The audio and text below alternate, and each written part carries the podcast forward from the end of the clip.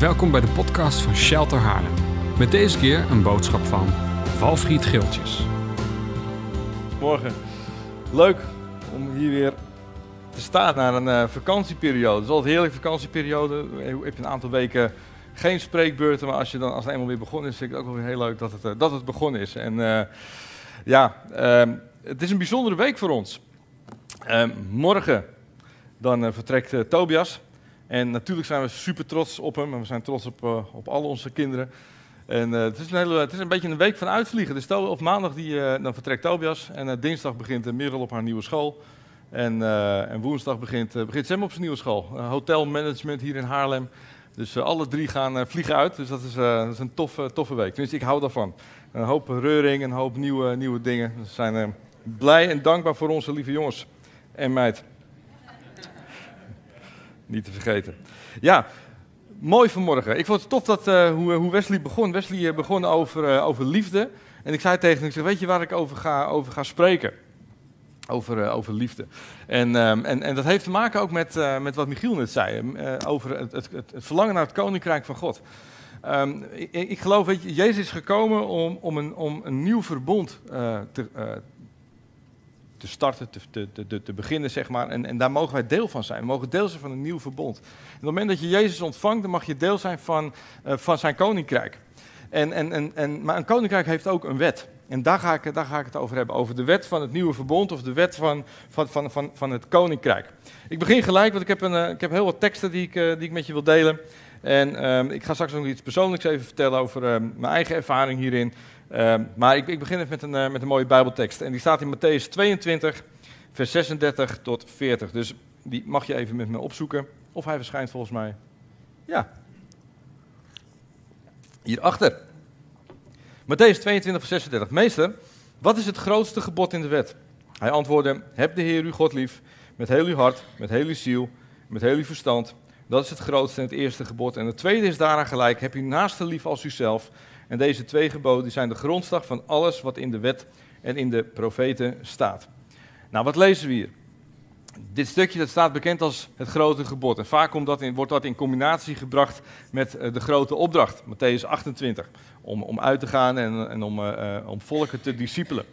Ehm, nou, wat, wat we vaak doen als christenen, nu in 2021, is dat we, naar mijn idee soms te snel, dat we een tekst pakken en dat we dat op onszelf projecteren. Dus Jezus die zegt iets en denk ik, ah, omdat Jezus het zegt, dan zal het wel goed zijn.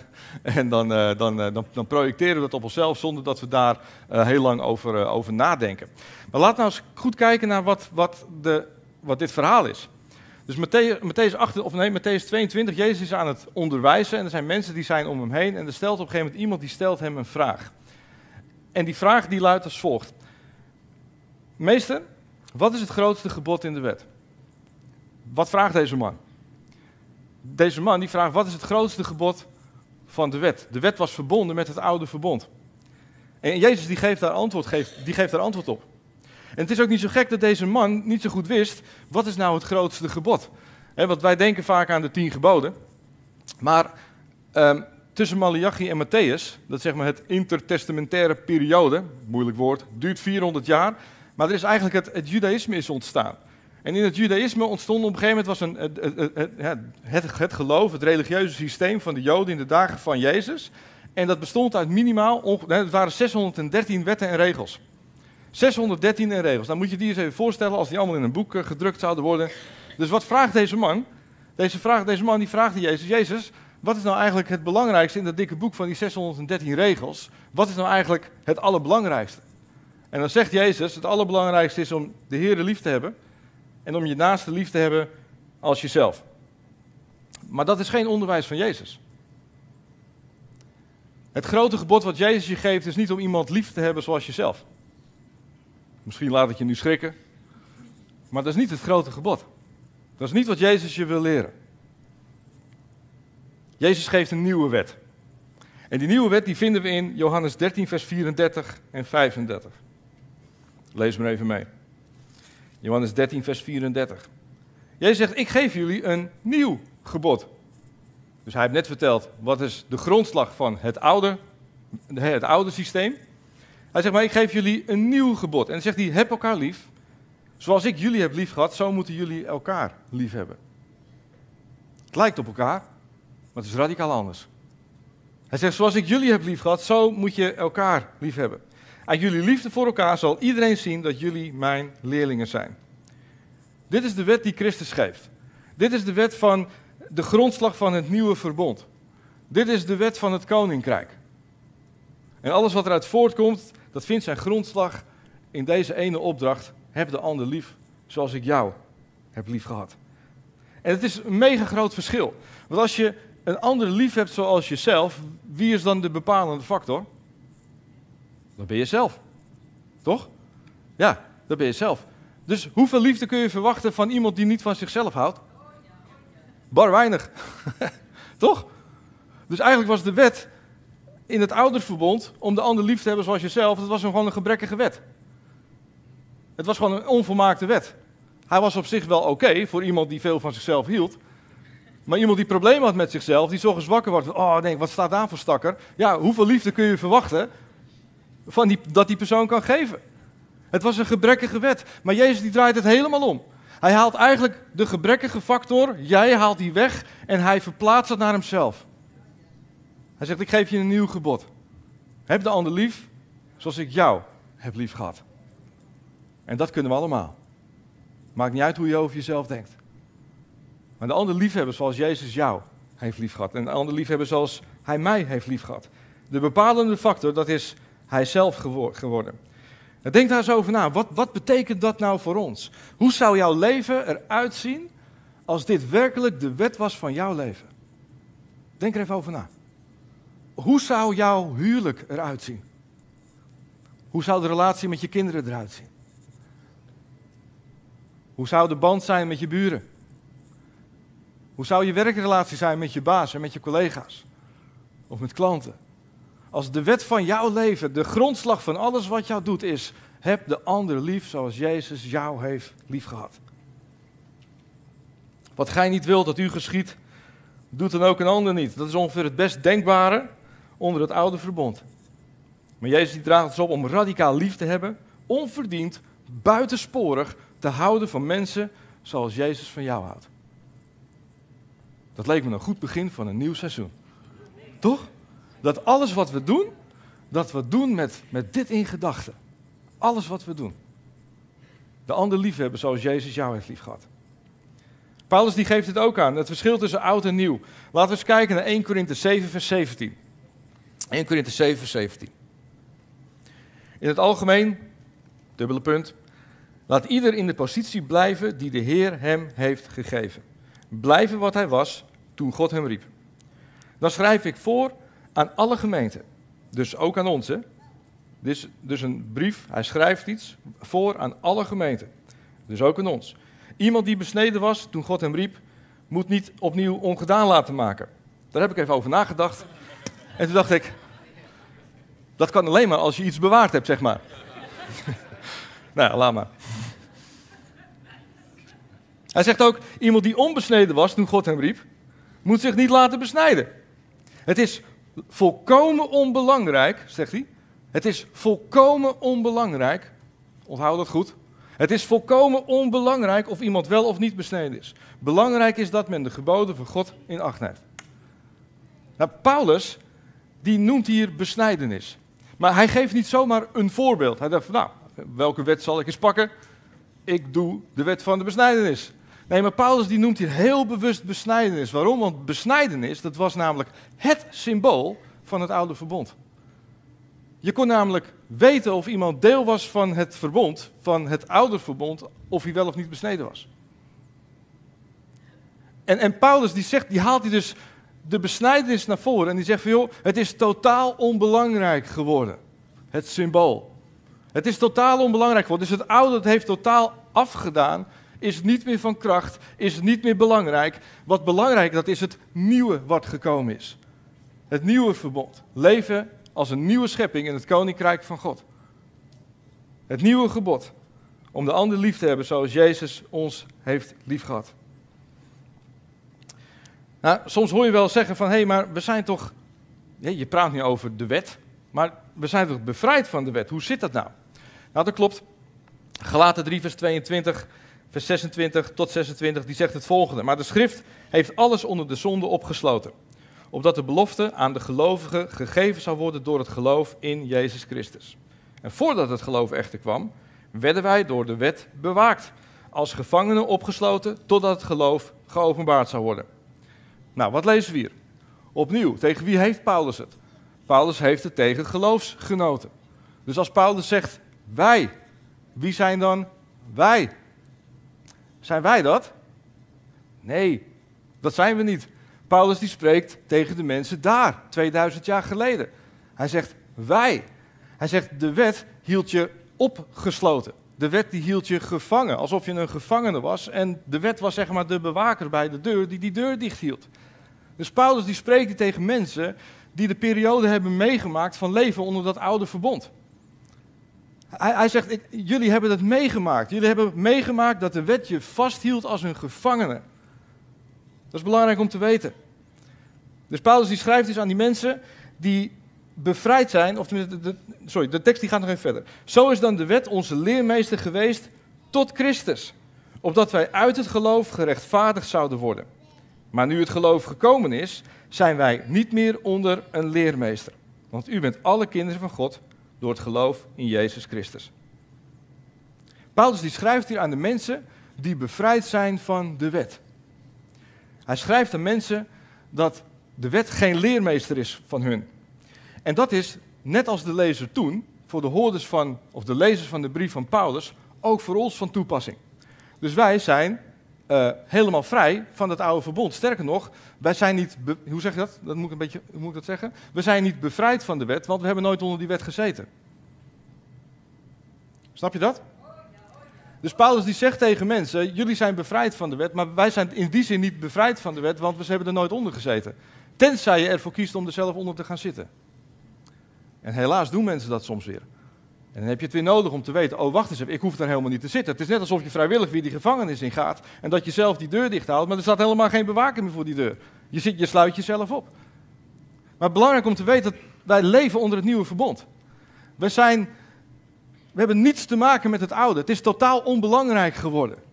Het is niet meer voor ons van toepassing, want wij leven 2000 jaar later deel van een nieuw verbond in zijn koninkrijk. Wij hebben niets te maken met het oude. Door Jezus zijn we niet gebonden door de wet. We hebben werkelijk niets mee te maken met die oude wet.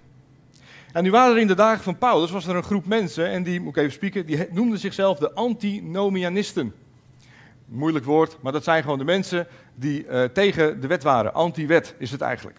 En dat waren mensen die waren zo blij met, het, met die boodschap van Jezus, dat ze dachten van, joehoe, we zijn bevrijd uit die gevangenis. We hebben het meegemaakt. De wet hield ons vast, maar Jezus kwam om ons te bevrijden. We zijn bevrijd uit die gevangenis. En ze waren zo blij dat ze werkelijk alle regels en wetten overboord gooiden. En ze leefden er maar op los. En ze deden eigenlijk maar wat ze wilden. Want Jezus heeft ons bevrijd van de wet. We zijn helemaal losgekomen van de wet. En helaas zijn er vandaag de dag ook nog steeds mensen die zo leven. Die denken dat ze maar kunnen zondigen totdat ze in ons wegen. Want Jezus heeft ons bevrijd. We, zijn niet meer, we zitten niet meer onder de wet. Maar de waarheid is dat we wel degelijk onder een wet zitten. En welke wet? De wet van Christus. Dat is de wet waaronder jij leeft. Waaronder ik leef. De wet van Christus, namelijk de andere liefhebben zoals Jezus mij heeft liefgehad. En alle andere geboden die Jezus geeft, dat is een voortvloeisel. De grondslag van die wet, dat is de andere liefhebben zoals Jezus jou heeft liefgehad. Dus ja, we zijn bevrijd van de wet van het oude verbond. Maar Jezus heeft ons een nieuwe wet gegeven. De wet van het leven, de wet van liefde. Om de ander lief te hebben zoals Jezus mij heeft liefgehad. Nog steeds wil God dat wij leven op een bepaalde manier. Maar alle geboden die Hij ons vandaag geeft, vinden hun grondslag in de wet van Christus. Heb elkaar lief zoals ik jou heb liefgehad. Ik weet niet hoe het met jou zit. Maar ik kan wel wat meer liefde gebruiken. Zo nu en dan. We waren op vakantie in Duitsland, Greunenbach, mooi dorpje, vlakbij Winterberg. En uh, het was uh, prachtig weer die hele week. Uh, die middag regende het en eh, na het eten klaarde het weer op. Dus ik zei tegen Marie, ik wil even, even wandelen. Marie zei, oh gezellig. Ik zei, nou, ik wil eigenlijk even alleen wandelen. dat heb ik soms wel eens, dat ik even alleen wil wandelen. En dus ik ging, ging de heuvels in. En ik was lekker aan het wandelen, ik had mijn telefoon mee. En ik moest op een gegeven moment denken aan een, uh, een oud liedje. Een oud Duits liedje. Immer meer fondeer. Misschien ken hem. Misschien ook niet. ik ga hem niet zingen. Maar het is een prachtig, uh, prachtig liedje. En, en, en ik, ik was er zo. Ik was nee, nee. Misschien een andere keer. Misschien een andere keer. Maar het was zeker, denk ik, 15 jaar geleden dat ik het nummer voor het laatst uh, gehoord had. Dus ik, ik, zocht het op op mijn telefoon en ik, ik zette hem even aan en ik was boven op die heuvels aan het wandelen. En ik werd gewoon weer opnieuw, het is een heel simpel nummer. Ik werd opnieuw weer geraakt gewoon door het liedje. Steeds meer van u, Heer Jezus. Daar gaat het over. Ik wil steeds meer, meer van u.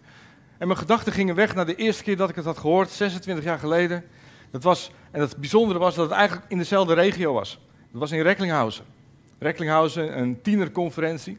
En uh, was dus in Duitsland. En ik, ik besefte op een gegeven moment, hé, hey, dat is zo'n moment dat je denkt van, 26 jaar geleden stond ik onder dezelfde lucht, stond ik het liedje te zingen.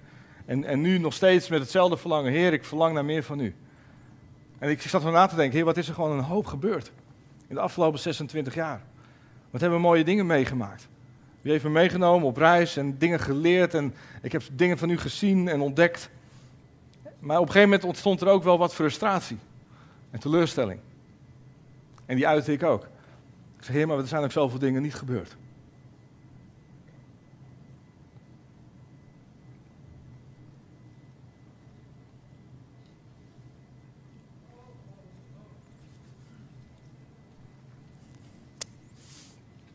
Ik kan me nog voorstellen, die conferentie, wat het verlangen naar meer van Gods kracht. En ik zei tegen God, Heer, wat valt het me soms tegen om de hoeveelheid kracht te zien in de kerk en in mezelf? Wat is het verschil soms groot tussen handelingen en de realiteit in ons leven? Wat, wat is het verschil soms groot tussen vastberadenheid van de apostelen en als ik kijk naar mijn eigen leven, naar de levens om ons heen? Dus ik was even heel eerlijk naar God. Heer, ik, ik zat een beetje te mopperen. Heer, ik verlang er nog steeds, maar, maar wanneer nou? Wanneer komt die kracht nou? En God die liet me een tijdje mopperen. Dat doet hij dan. En toen stelde hij een vraag. Zei, waarom wil je zo graag kracht zien? Nou, inmiddels weet ik, als God me een vraag stelt, dan doet hij dat niet omdat hij informatie nodig heeft. Meestal stelt hij een vraag om eigenlijk een, een dieper liggende niveau in mijn hart te openbaren. En terwijl ik er op die heuvel stond, moest ik denken aan die middag. Het was de enige regenachtige middag en um, Merel en Maria en volgens mij de jongens ook, die keken een film, De Schuilplaats van Corrie ten Boom. En ik, ik, had niet zo zin om die film te kijken, dus ik was lekker aan de andere kant van die kamer, was ik een boek aan het lezen. En dus ik heb die hele film heb ik niet, niet meegemaakt. En op een gegeven moment, ik had, uh, ik had wat dorst, dus ik pak wat drinken en ik ga even bij de bank staan waar hun zitten. En ik kijk naar die film en ik denk dat ik, nou, drie minuten gekeken heb. En op een gegeven moment moest ik denken aan een scène tussen uh, Corrie en Betsy. En die zaten thuis in Haarlem, hier, in het Corrie de Boomhuis. En, um, en op een gegeven moment kwamen er twee mannen van het verzet. En, en, en op een gegeven moment, toen, die twee mannen van het verzet, die, die waren eigenlijk een beetje aan het peilen, aan het testen van, hey, zijn deze twee meiden, want ze waren nog heel jong, zijn ze wel geschikt om, zeg maar, om zo'n hele belangrijke taak zeg maar, van, het verzet in te vullen, van het verzet in te vullen? Dus ze stelden een aantal vragen. En op een gegeven moment vroeg een, van deze mannen, die vroeg van, weet je, er zijn, er zijn mensen uh, die doen dit voor het avontuur. En toen begon Betsy te lachen. Ze zegt ze, nee, wij, wij gaan niet het verzet in voor het avontuur. Wij doen dit omdat Jezus van ons heeft gevraagd om van andere mensen te houden. En toen stond ik alweer op die heuvel. En ik moest denken aan die uitspraak van Betsy. Toen dacht ik, is dit ook mijn motivatie? Ik, ik zou willen dat, ik, dat het zo was. Dat ik de kracht van God, zijn wonderen, genezing en bovennatuurlijke kracht, dat ik het zou zien, omdat het geboren wordt vanuit liefde. Maar ik moest gewoon heel eerlijk erkennen tegen God van Heer, eigenlijk wil ik het gewoon puur voor mezelf. Omdat u weet dat ik van avontuur hou. Omdat u weet dat ik hou van nieuwe dingen, van, van, van avontuur. En toen zei ik van Heer, het spijt me. Want eigenlijk is de grondslag, de juiste enige grondslag, dat is liefde. Dat, natuurlijk, ik verlang naar de, kracht van God. Maar de drijfveer zou moeten zijn liefde, zoals Jezus mij heeft lief gehad. En niet avontuur. En daar boven op die heuvel, was gelukkig alleen. Ik knielde neer en ik was gewoon het liedje aan het zingen en ik was aan het bidden. En toen zei ik van Heer, het spijt me. Ik zeg, geef me meer van uw liefde. Geef me meer van uw liefde. Gewoon de liefde die ik weg kan geven zoals u mij heeft liefgehad. Het was een moment van bekering. Dat ik anders moest gaan denken. Er veranderde iets in mijn denken. Als ik bid voor iemand die ziek is, als ik bid voor bovennatuurlijke kracht, of als ik zie dat, dat er profetische woorden klinken, of wat dan ook, dan wil ik dat de grondslag liefde is. En volgens mij is dat ook precies wat Jezus deed. Jezus deed het niet voor avontuur. Hij deed het omdat hij gepassioneerd was voor mensen, omdat hij van mensen hield. Hij zag mensen lijden en dat raakte hem. Hij was bewogen met mensen, omdat hij zag ze hebben geen herder. Hou je van mensen, zoals Jezus voor jou heeft lief gehad. Weet je, en ik geloof, echt, ik geloof. Kracht hoort bij het koninkrijk van God. Echt, geen twijfel. En ik geloof dat God me op plekken gaat brengen vol van avontuur. Waarom? Want hij is mijn vader. En zo heeft hij mij gemaakt. En hij weet wat ik tof vind. Dus waarom zou hij dan niet geven? Dus ik weet dat hij me op, op avontuur stuurt. En ik, ik geloof inderdaad in de bovennatuurlijke kracht. Absoluut, helemaal. Maar de grondslag van alles van het koninkrijk is liefde. Alles.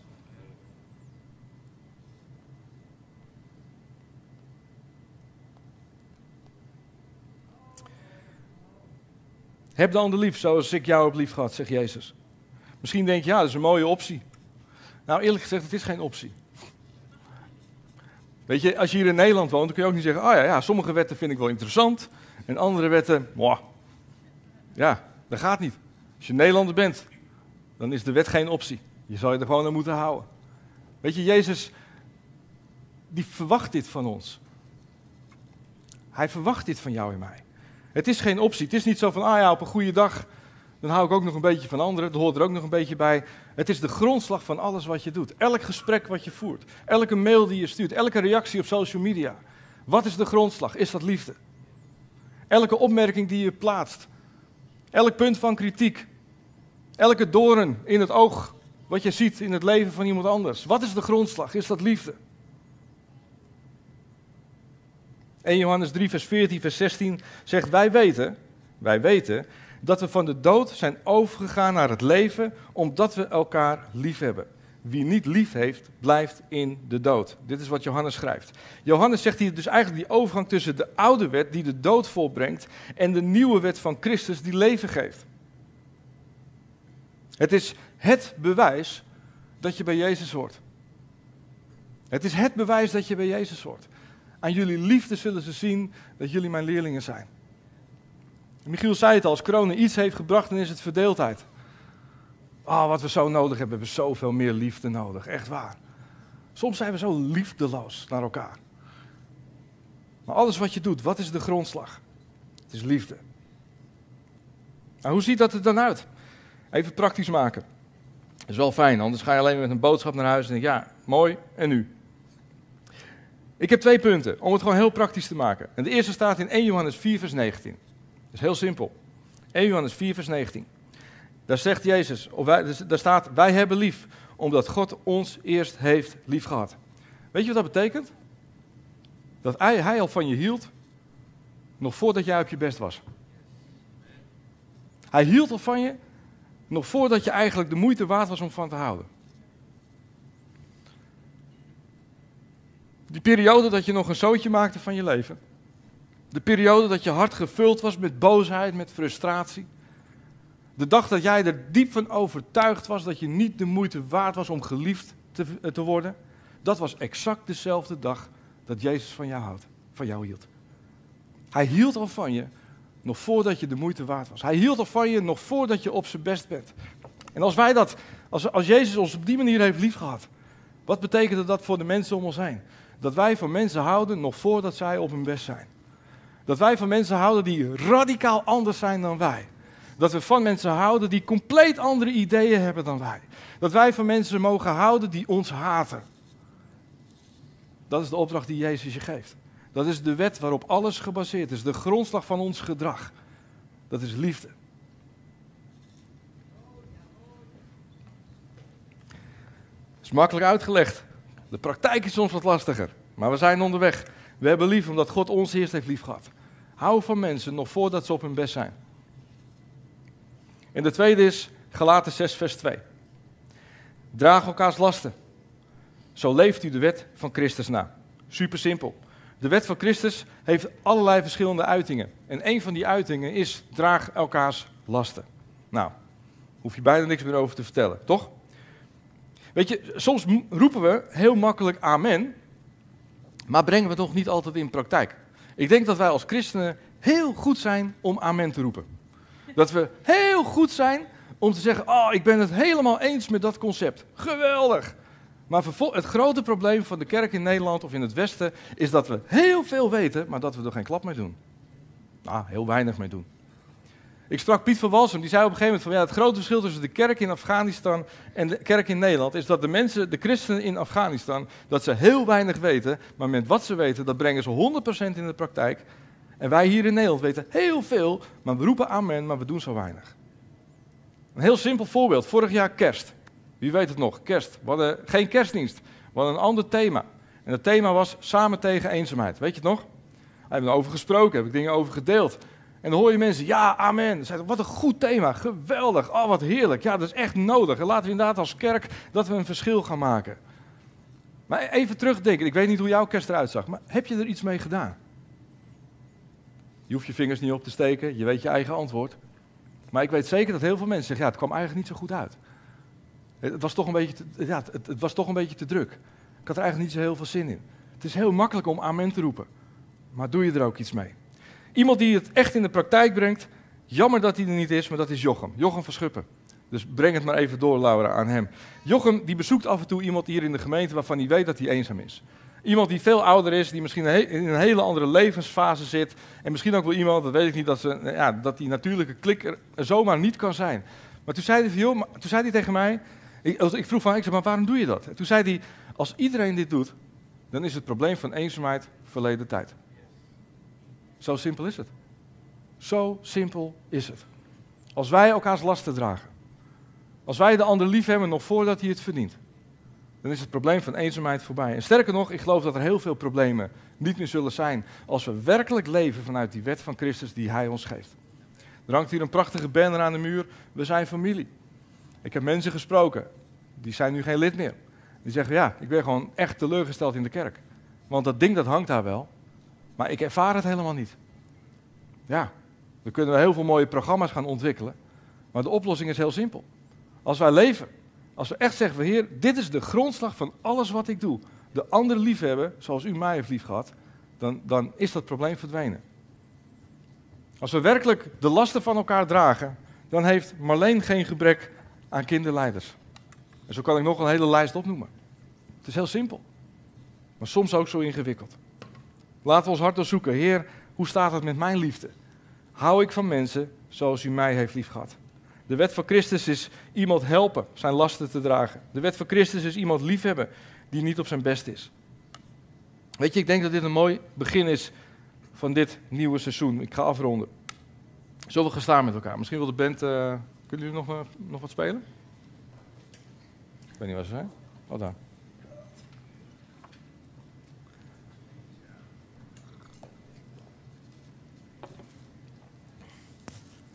Hoe mooi zou het zijn als we hier vanmorgen, begin van een nieuw kerkseizoen, sommigen beginnen ook weer op hun werk, de leerlingen beginnen weer op school, alles gaat weer draaien, de sportverenigingen gaan weer aan gang, gaan aan de slag.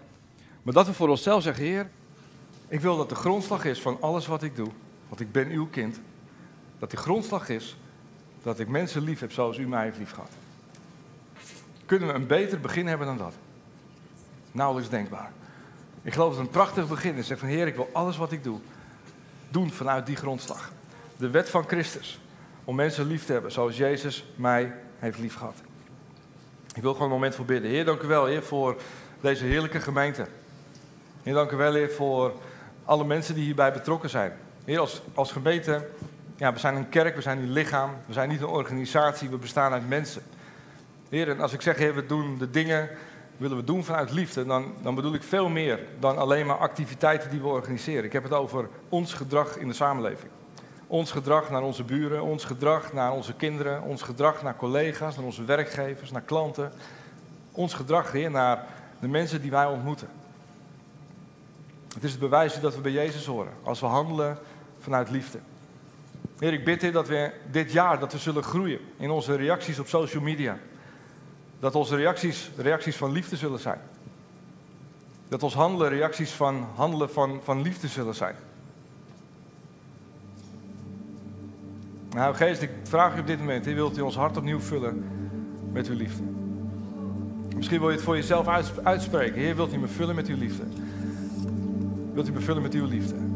En misschien moet jij ook wel die, een, een verandering in je denken doormaken. Dat je misschien altijd geleefd hebt om de ander lief te hebben zoals jij graag lief... Hoe zeg je dat? Dat je de ander lief hebt zoals jezelf. Maar dat je ziet van, hé, hey, maar eigenlijk is de wet van Jezus, die gaat veel hoger. En dat is namelijk de ander lief hebben zoals Jezus jou heeft lief gehad. Ik zou je echt aan willen moedigen om jezelf voor te nemen. Om die ander lief te hebben nog voor dat hij op zijn best is. Dat je van die ander houdt met al zijn problemen. Met al zijn overtuigingen die zo radicaal anders zijn dan jij. Dat je die ander lief hebt met levensgewoontes of levensstijlen die echt ingaan tegen waar jij voor staat. Maar Jezus vraagt helemaal niet of je het eens wil zijn met iedereen. Jezus vraagt niet om mensen te overtuigen, maar hij vraagt van heb mijn broer, heb je broer en je zus lief, zoals ik jou heb lief gehad. En ik geloof ook dat vanmorgen dat er iemand is of dat er mensen zijn, dat ze kijken, dat ze geraakt werden toen ik zei op de dag dat jij overtuigd was dat je de moeite niet waard was om van te houden, op die dag hield Jezus van je. Als jij dat bent, dan is dit korte moment voor jou. Ik geloof dat de liefde van Jezus, die gaat veel verder dan dat jij denkt. De liefde van Jezus, die lijkt op de zwaartekracht. Het maakt niet uit hoe vaak je iets in de lucht gooit, het komt altijd weer naar beneden. De liefde van Jezus, dat lijkt op de zwaartekracht. Hoe vaak je ook dingen weggooit, zeg van nee, ik, ik verdien het niet. Ik ben het niet waard. Ik maak er een zootje van, maar elke keer keert het weer opnieuw terug. Elke keer komt het weer opnieuw naar beneden. Je kunt het niet stoppen. De liefde van Jezus is als de golfslag in de zee. Elke keer weer opnieuw komt er weer een golf en die, borst, die barst op, de, op, op, op, de, op, op, het, op het zand, op het strand. En elke keer weer opnieuw. En je kunt dat niet uitzetten. En je kunt roepen tegen de zee van ja, maar ik verdien het helemaal niet. Ik ben niet de moeite waard om van te houden. Mijn leven is een puinhoop. Maar elke keer weer komt Jezus opnieuw met zijn liefde en zegt: Ja, maar ik hou van jou. Ik hou van jou. Ik hou van jou. Ja, Heer, maar waarom houdt u dan van me? Omdat ik van je hou. Maar ik maak er zo'n puinhoop van elke keer. En Jezus zegt: Maar ik hou van jou. Nou, bent u nou nooit eens zat? Dat, dat getal, 7 keer 70, heb ik dat niet inmiddels wel bereikt? En Jezus zegt, ik hou van jou. Maar waarom dan? Omdat ik van jou hou. Ik hou van jou. Weet je, en ik, ik geloof dat gewoon als jij hier bent en, en dit is misschien wel de eerste keer dat je geraakt wordt door de liefde van Jezus voor jou. Zeg dan heel simpel, Jezus, ik wil u ontvangen. Ik wil uw liefde wil ik ontvangen. Uw liefde wil ik ontvangen. Ook als je thuis bent, zeg het maar gewoon. Uw liefde wil ik ontvangen. Ik laat me meespoelen met die golven van liefde. Ook al ben ik er diep van overtuigd dat ik niet de moeite waard ben. Maar Jezus die raakt jou met zijn liefde. Dank u Jezus. En ik zeg je. En ik wil je aanmoedigen om contact op te nemen. Gewoon met de gemeente. Stuur een mailtje of spreek een van ons aan straks na de dienst als je hier bent. Dan kunnen we gewoon een moment bidden. Dan kunnen we een moment even praten. Weet je, maar de liefde van Jezus, die is op zoek naar jou. En met diezelfde liefde mogen wij andere mensen liefhebben. Dank u wel, Heer. Dank u wel, Heer. Uw liefde is zo groot. Uw liefde is zo goed.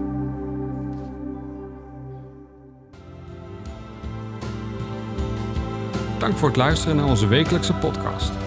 De missie van Shelter is Gods Koninkrijk zichtbaar maken in onze wereld. Wil je onze gemeente financieel ondersteunen in deze missie? Ga dan naar www.shelter-haarlem.nl geven.